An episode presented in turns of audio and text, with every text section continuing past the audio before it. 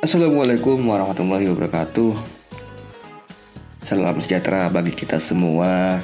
Selamat malam para pendengar yang ada di Spotify dan para penonton yang ada di YouTube. Kembali lagi di Iseng Podcast uh, dengan aku sendiri Hadramis Prayogi sebagai host kalian yang kali ini aku solo player karena uh, mungkin emang lagi pengen solo player aja sih sebenarnya. Dan uh, nanti di kesempatan yang akan datang atau kesempatan yang memang udah udah ada waktunya sih. Kalau salah aku nih ini mungkin keluar keluar rekaman ini bulan Maret. Kemungkinan besar bulan Maret. Dan aku nggak ini ngerekamnya di akhir bulan Februari. Nah jadi mungkin sedikit update untuk uh, apa iseng podcast yang memang aku rasa belum begitu produktif lagi semenjak awal tahun 2021 di mana bulan Januari saja tidak begitu banyak ya. Uh, aku hanya rekaman berapa kali aja dan di bulan Februari juga rekaman hanya kalau tidak salah dua kali dan itu dibagi dua per rekaman. Bagi dua episode maksudnya. Dan ya di episode kali ini uh, kita pakai format yang mungkin teman-teman yang udah dengar dulu dulu iseng podcast dari dulu itu formatnya awalnya begini gitu loh. Jadi kayak apa kalau orang-orang yang meeting di zoom itu bilangnya share screen ya share screen anjay. Nah jadi metodenya ini apa uh, recording screen. Jadinya uh, di sini aku coba format yang kayak dulu ya. Format dulu. Di mana aku pertama kali ngepodcast itu ya formatnya kayak gini. Kayak aku jelasin beberapa apa uh, beberapa masalah yaitu kalau nggak salah itu waktu itu masalah tentang uh, komplek perumahan di atas gedung. Jadinya aneh aja gitu loh kok bisa ada komplek perumahan di atas gedung gitu loh. Nah tapi untuk episode kali ini aku bakalan bahas yang mungkin uh, relate dengan diriku sendiri ya. Karena uh, untuk kembali lagi update, kembali lagi update, uh, aku sudah uh, memasuki dunia perkuliahan kembali. Di mana kuliah yang kali ini lebih dari sebelumnya kalau kalau bisa dibilang. Di mana aku mengenyam pendidikan profesi ya. Hampir mirip dengan dokter. Ya kali ini mungkin kalau misalkan dibilang sulit mungkin hampir mirip-mirip dengan kesulitan di dokter cuman uh, untuk durasinya mungkin lebih cepat. Kalau dokter kan itu kalau koas ya mereka dua tahun. Kalau kami itu di apoteker itu sekitar satu tahun. Nah oleh sebab itu dengan jadwal yang cukup padat di apoteker membuat aku tidak begitu leluasa untuk cari atau mungkin gali-gali referensi atau mungkin mencari bahan atau mencari narasumber untuk diajak kita ngobrol bareng, kita bikin podcast bareng gitu loh. Nah, untuk itu mungkin di episode, kali ini sekali lagi uh, ini mungkin relate dengan kehidupan kuliahku saat ini dan ya mungkin kak teman-teman yang udah ngeliat apa screen recording ini ada tulisannya. Ada tulisannya persebaran internet. Dan ngomong-ngomongin internet nih.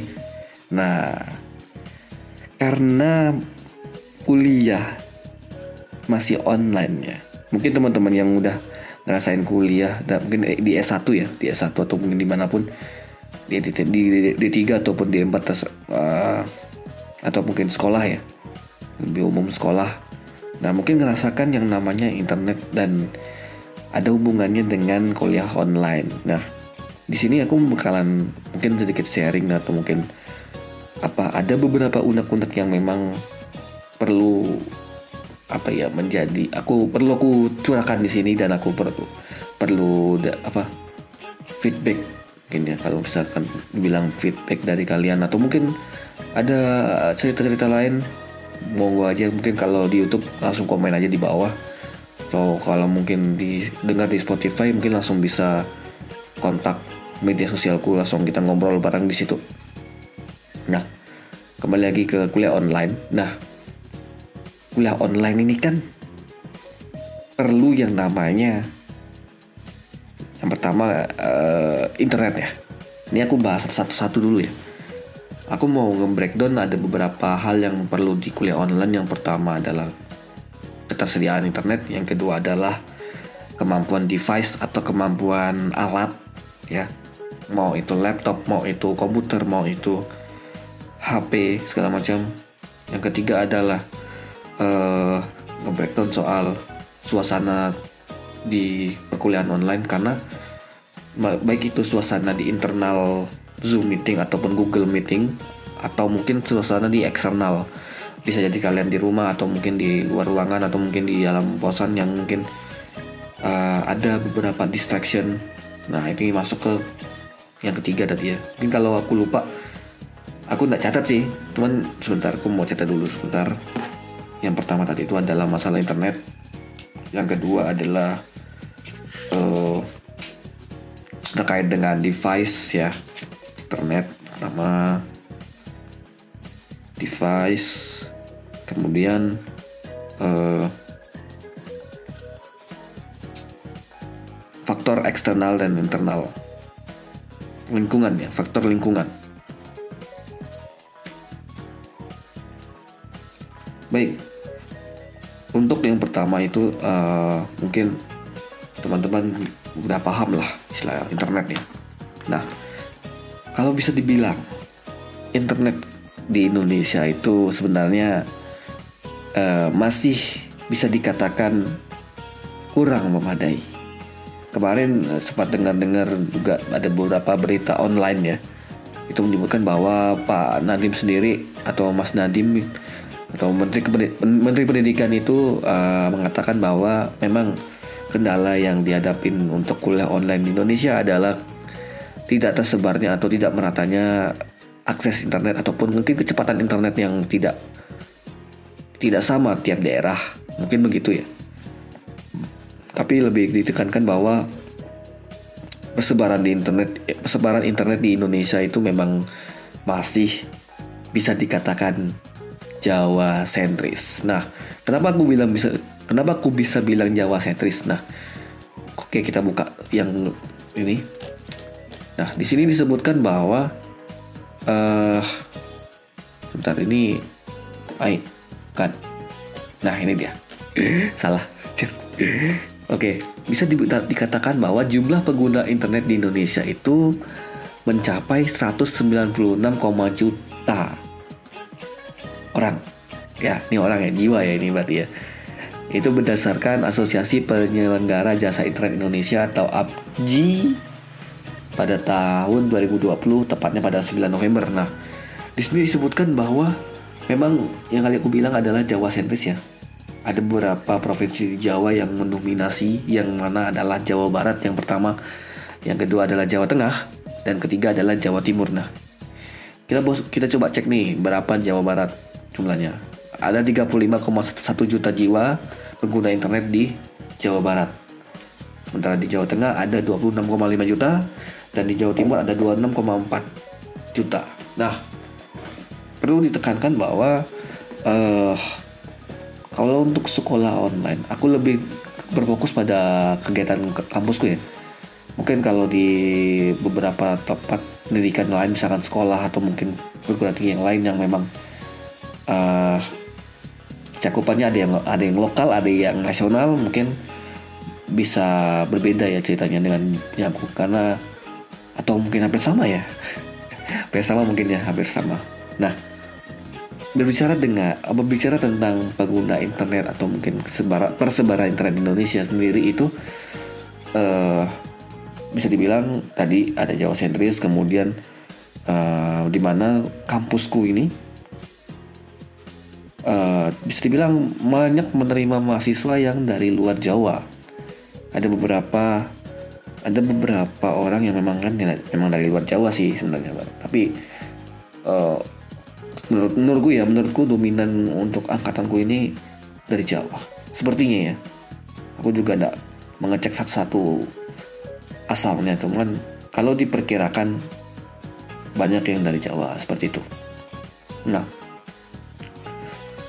berbicara internet lagi, uh, tadi kan sudah disebutkan bahwa banyak dari Jawa misalkan. Kan, dan teman-teman dari luar Jawa juga ada yang internetnya bagus, ada yang internetnya juga lelet, ada yang internetnya malah nggak ada. Nah, sini di, di titik krusial di mana internet ini udah jadi bahan yang penting.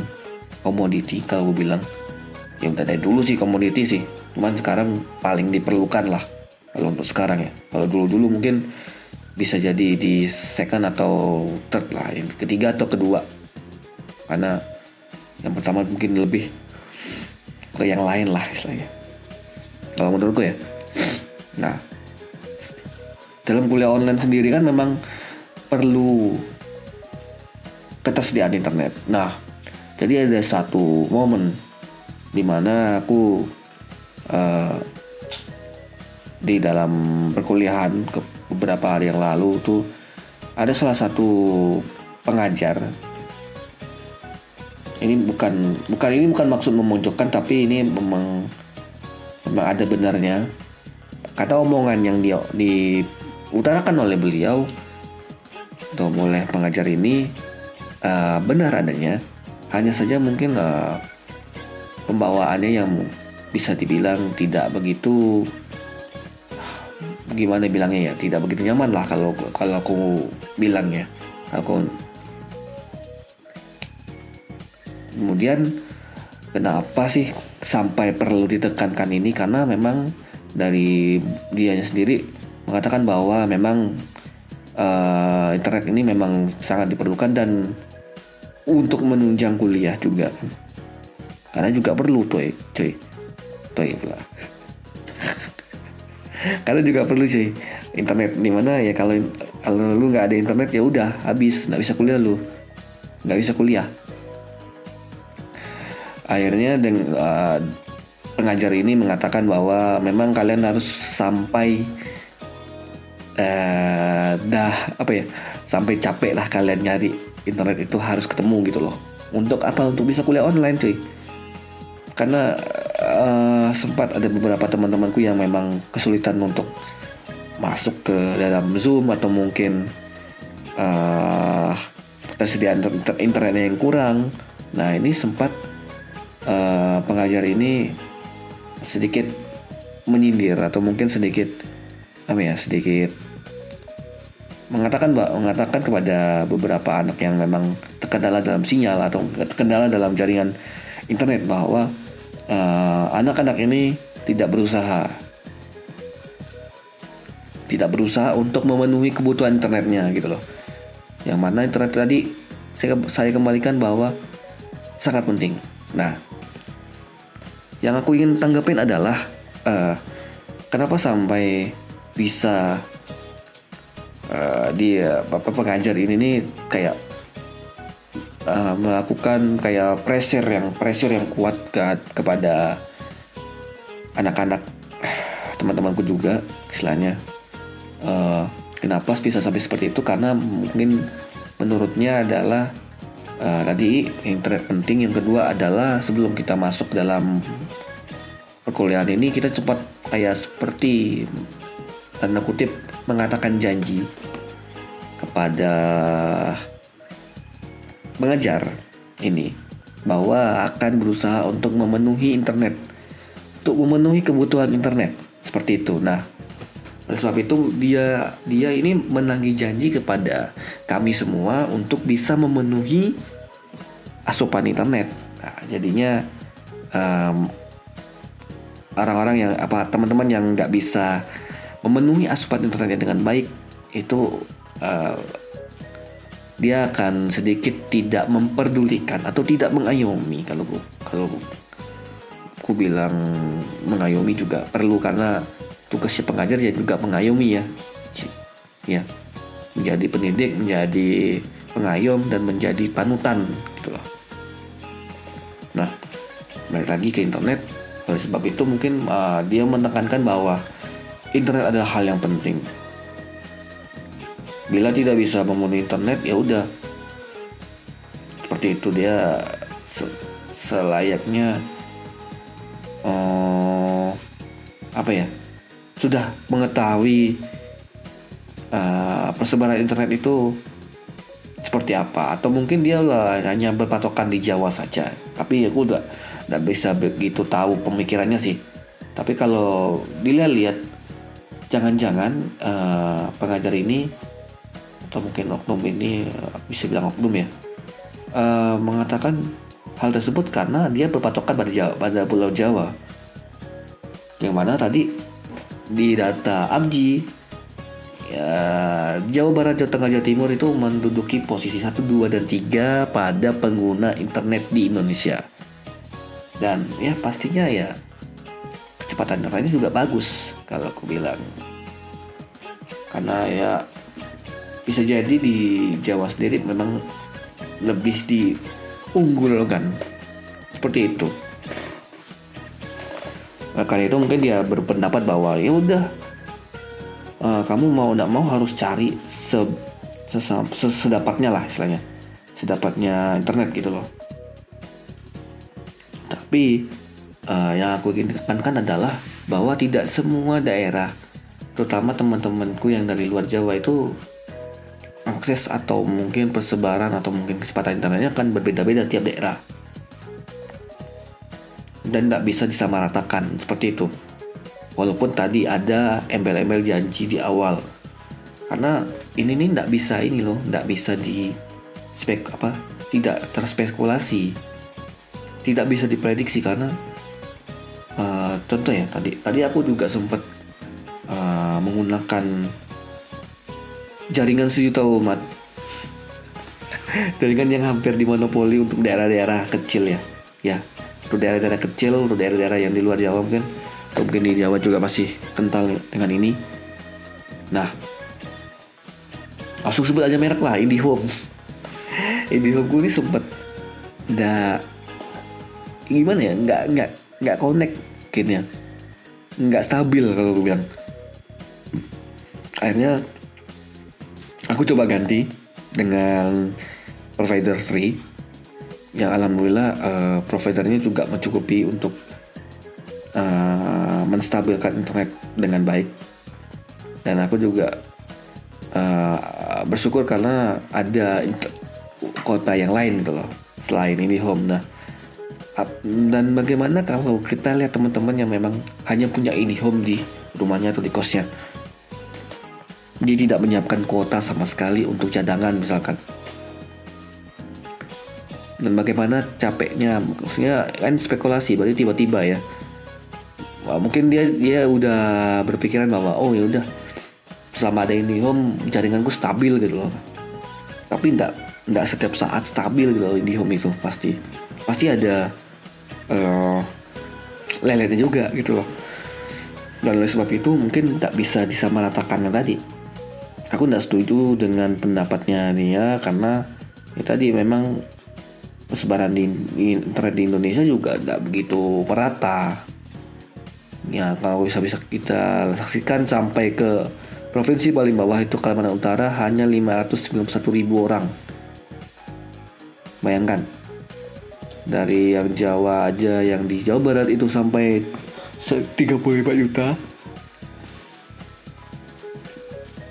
sementara provinsi paling bawah itu Kalimantan Utara itu menduduki poin terakhir dengan jumlah 591 ribu. Mungkin ini ada ada pengaruh dengan jumlah penduduk tapi uh, cukup untuk memberikan data bahwa persebaran internet di Indonesia itu masih berlaku di Jawa sentris. Seperti itu. Dan kita lanjut ke pembahasan kedua karena mungkin kalau misalkan pembahasan ini dibahas sampai habis nggak akan habis-habisnya ini pak. Ya habis bentuk-bentuk cuma sampai nah, udah lu gimana caranya buat nemuin buat nentuin apa internet lu gimana ketersediaan atau kecukupan internetnya gimana? Ya udah gitu doang. Nah yang ketiga ini device device. Lu bayangin device peralatan ada beberapa teman-teman yang memang ekonominya masih menengah bawah atau mungkin menengah tapi dengan kondisi yang memang ekonomi apa pemasukannya mungkin tidak begitu baik gitu loh. Ada ada pemasukan tetap ada pemasukan cuman tidak begitu maksimal sebelum pandemi misalkan. Nah buat teman-teman yang yang posisi ini pasti bakalan susah untuk memenuhi device atau memenuhi alat-alat untuk melakukan kuliah online misalkan. Nah salah satunya mungkin laptop ya. Kalau orang biasa pakai laptop sih. Ada yang mungkin pakai PC atau mungkin pakai HP karena beberapa aplikasi untuk meeting juga udah ada aplikasinya di HP seperti itu. Nah kalau di laptop misalkan ada beberapa teman-temanku yang yang kemarin sempat cerita-cerita ke aku juga bahwasanya uh, dia kesulitan dalam hal device. Semisal loadingnya lelet kemudian uh, layarnya mati. Iya ada. Layarnya mati. Dia digunakan hampir 2-3 jam layarnya mati. Aku juga nggak tahu itu layarnya atau VGA nya yang rusak tapi kenapa bisa mati ya? Mungkin karena mungkin uh, video grafiknya yang memang mungkin masih apa udah tua banget. Bisa jadi uh, kayak dia nggak bisa nangkap wifi. Ya sama kayak laptopku kemarin yang bermasalah sebelum aku gunakan IndiHome untuk koneksi ke kuliah online aku juga pakai provider dari Indosat.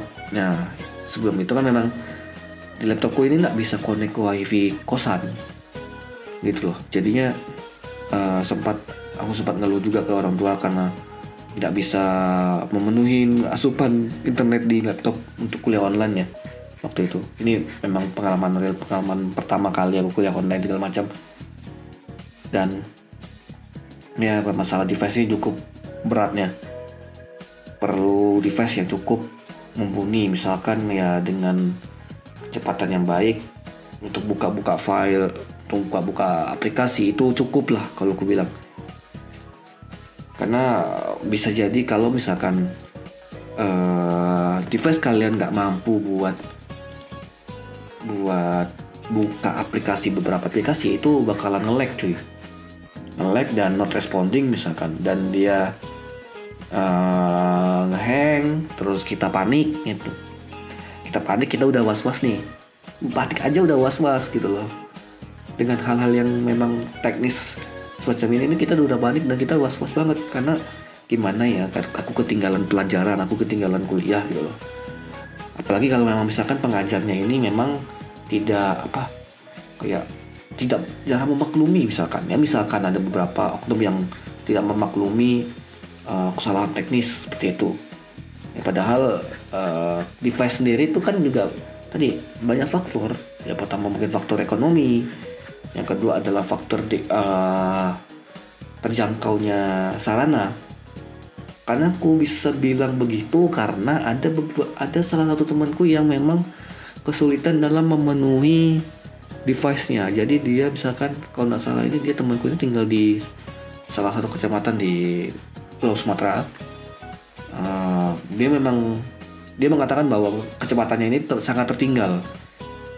Jauh lah mungkin dari pusat kabupaten atau mungkin pusat uh, keramaian kota misalkan. Sangat jauh dan dia sempat bilang kalau masalah laptopnya begini hang ngelek kemudian kameranya juga jelek kamera dari webcamnya jelek semacam dia banyak menemui masalah.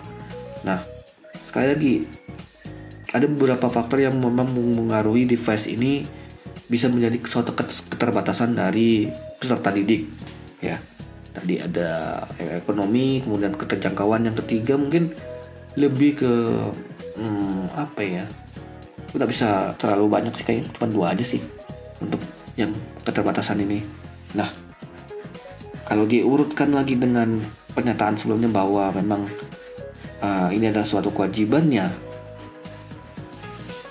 ya sebenarnya tidak bisa dibilang eh tidak bisa di generalisasi ini merupakan apa ya suatu kewajiban gitu loh karena ada yang beberapa orang yang memang tidak memprioritaskan device-nya untuk lebih bagus.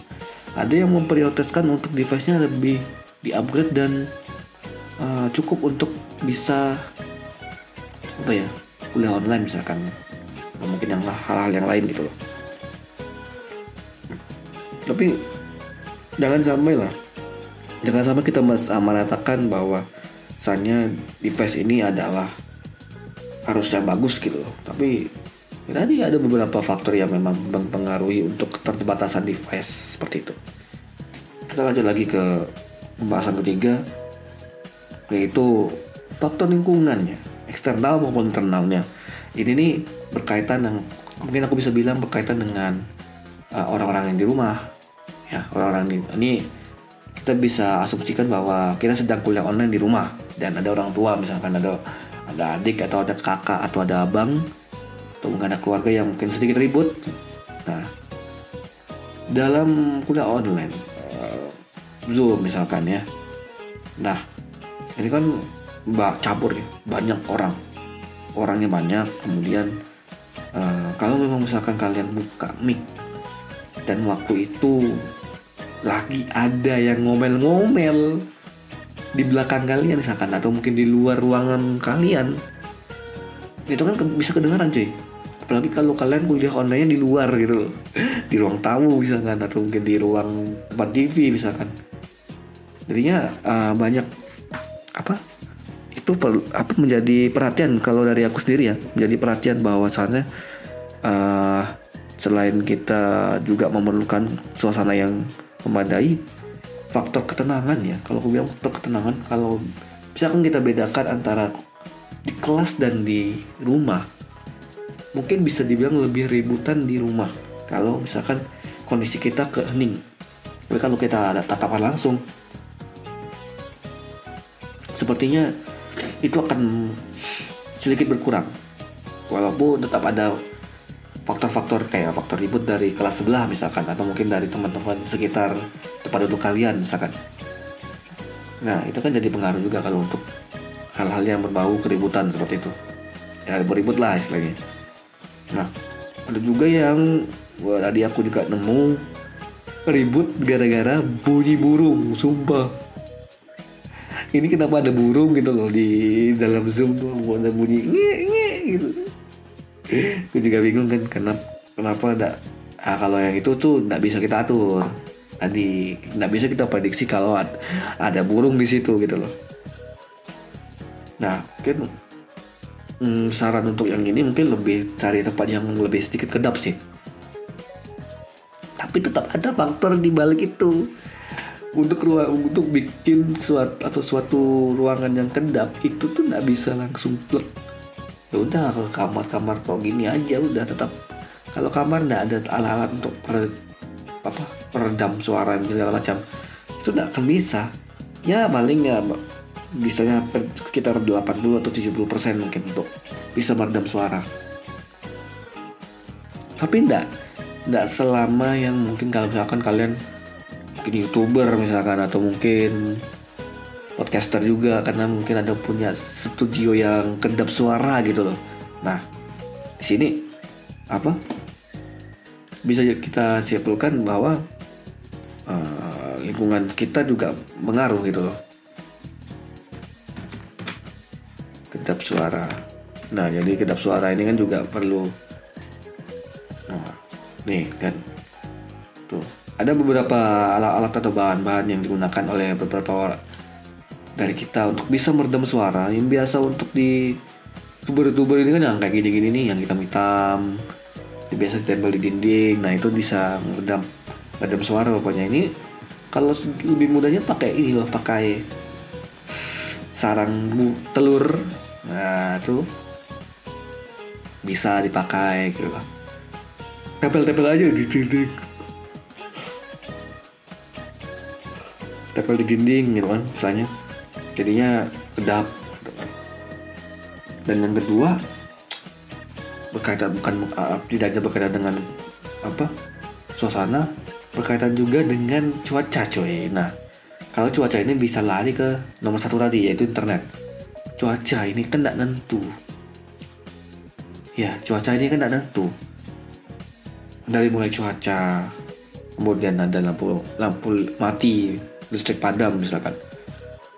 Nah, merujuk ke yang kemarin yang aku dengar dari salah satu pengajar itu mengatakan bahwa uh, kalau memang misalkan mati lampu sudah jauh-jauh hari diberitahu mana ini salah kaprah.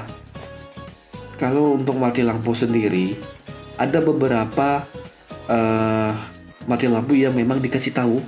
Ada beberapa mati lampu yang tidak dikasih tahu. Yang pertama mati lampu yang dikasih tahu misalkan. Mati lampu yang dikasih tahu itu tuh uh, biasanya itu tujuannya dalam rangka uh, pemeliharaan. Misalkan ada dari PLN pemeliharaan di gardu ini daerah-daerah ini terdampak untuk dimatikan atau pemadaman listrik. Nah itu dikasih tahu dia biasanya hamin satu satu hari gitu kan. Ada juga yang uh, anda yang kedua adalah ini tidak dikasih tahu cuy. Uh, tidak dikasih tahu. Nah yang tidak dikasih tahu ini contohnya kayak gimana? Misalkan berkaitan dengan cuaca tadi. Berkaitan dengan cuaca. Nah misalkan ada cuaca buruk hujan badai misalkan. Nah itu kan bisa jadi pemicu atau pematik dari mati listrik. Gitu loh. Nah pas lagi badai pas lagi belajar online lagi masuk di zoom mungkin lagi kerjain ujian atau kerjain apa gitu kan. Tiba-tiba badai hujan blok mati lampu. Dan dari tenaga apa, oknum tersebut bilang kenapa kamu tidak bisa nyari apa? Niva apa internet misalkan. Sebenarnya masalahnya udah hanya internet aja. Bisa jadi uh, internet utama atau eh internet internet cadangan bisa jadi teteng dari HP itu juga lagi bermasalah pada waktu waktu itu. Karena berkaitan dengan cuaca kan istilahnya yang kedua adalah mati lampu akan mempengaruhi device. Nah mungkin ada beberapa device tadi yang belum aku sebutkan yang itu uh, device yang sudah sakit. device yang sudah sudah sakit, sudah bocor, sudah umur kalau gue bilang, mana dia memerlukan uh, memerlukan uh, charger atau setiap saat selalu dicas. Nah itu kan juga pengaruh kalau misalkan kita mati lampu. Oleh sebab itu lingkungan ini, tidak bisa diprediksi sebenarnya. Dan ini juga menegaskan ketidaksetujuanku kepada beberapa oknum pengajar yang mengatakan bahwa uh, tolong di, di tolong kalau misalkan mati listrik atau apa itu pasti dikasih tahu dan ya banyak kendala yang memang terjadi gitu aku nggak aku setuju dengan anggapan bahwasanya kalau listrik mati itu pasti dikasih tahu enggak cuy. Enggak. Ada dua kemungkinan kalau listrik tadi mati kan? Nah yang kedua adalah device tadi device dari laptop atau mungkin HP kalau komputer udah pasti mati lampu mati udah fix. Kalau laptop kan masih bisa hidup. Tapi laptop juga perlu casan misalnya. Kalau dia bocor kan baterai bocor jadinya nggak bisa buat connect karena laptopnya mati misalkan atau HP-nya bocor misalkan atau mungkin juga setting secondnya jaringan keduanya untuk membackup jaringan utama juga lagi jelek-jelek ya. Misalkan contoh kayak Tri Tri itu dia sensitif terhadap cuaca jadi cuaca itu mati lampu. Jadi pada saat cuaca lagi memang tidak bagus dan itu mati lampu otomatis jaringan Tri akan lumpuh ya mungkin teman-teman yang pakai tri udah biasa dengan hal ini gitu loh. Udah tau lah istilahnya. Kalau mungkin ada teman-teman yang pakai Indosat atau pakai XL misalkan ya mungkin komputer Telkomsel mungkin bisa cerita kalau misalkan pada saat kapan dia jelek sinyalnya misalkan. Nah lagi? Hujan udah orang luar udah. Mungkin itu sih.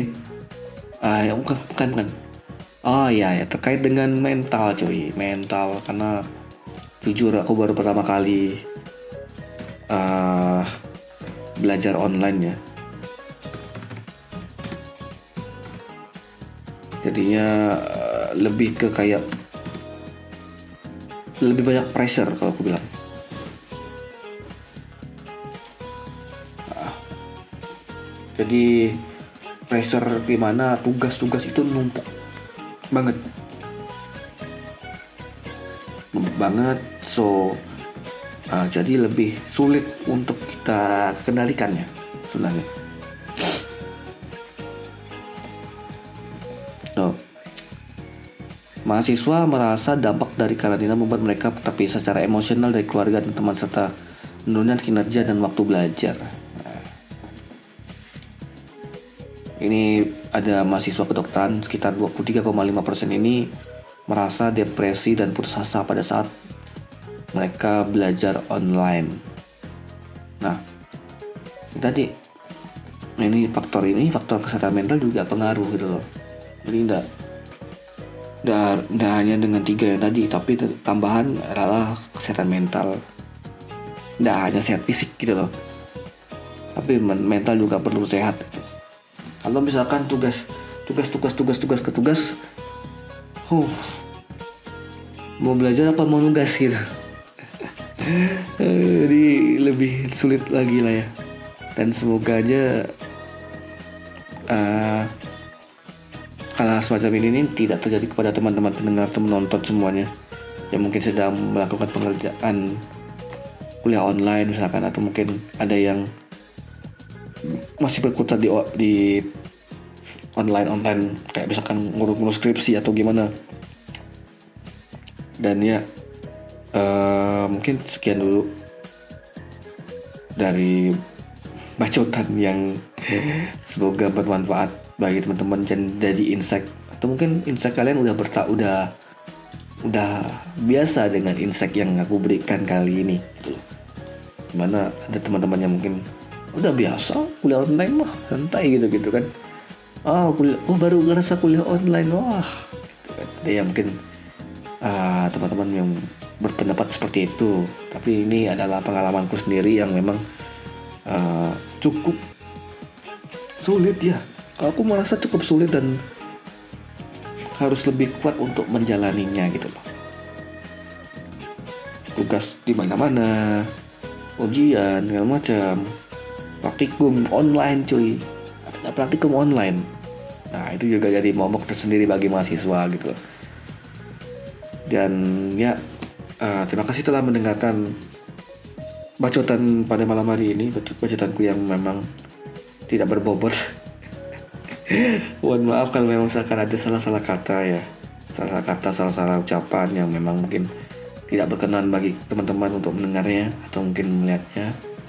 Dan uh, ini hanya opini. Jadi ini pendapat pribadi karena tidak semua orang kita bisa samakan pendapatnya seperti itu. Karena berbeda pendapat itu baik sebenarnya. Kita bisa sharing-sharing kita bisa berbagi ilmu gitu loh. Tidak ada yang namanya uh, merasa salah gitu. Kalau menurut pendapat sendiri kan itu uh, artinya kita udah udah mengutarakan pendapat kita pribadi dan kita belajar buat ngomong gitu. Belajar buat menyampaikan pendapat menyampaikan sesuatu seperti itu. Dan mungkin teman-teman yang uh, ada cerita-cerita bisa cerita yang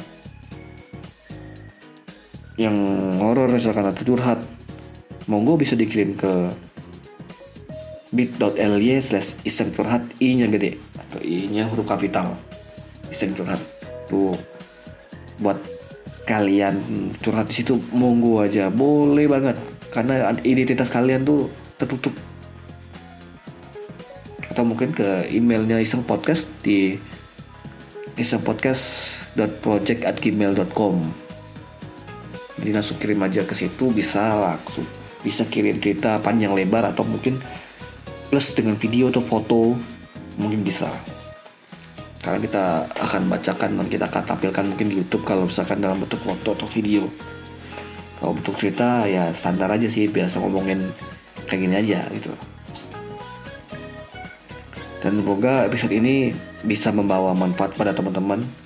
Karena menurutku ini hanyalah ungkapan atau mungkin ya rasa capek dari sebulan hampir sebulan ya. Ini baru sebulan belum setahun gitu kuliah online dan aku adalah orang baru di kuliah online gitu loh. Jadi ya harap maklum kalau memang misalkan ada beberapa yang bisa dikatakan lebay ya. Karena ada beberapa orang yang sudah melewati kuliah online dan udah tahu apanya udah tahu seluk beluknya kayak gimana nah gitu.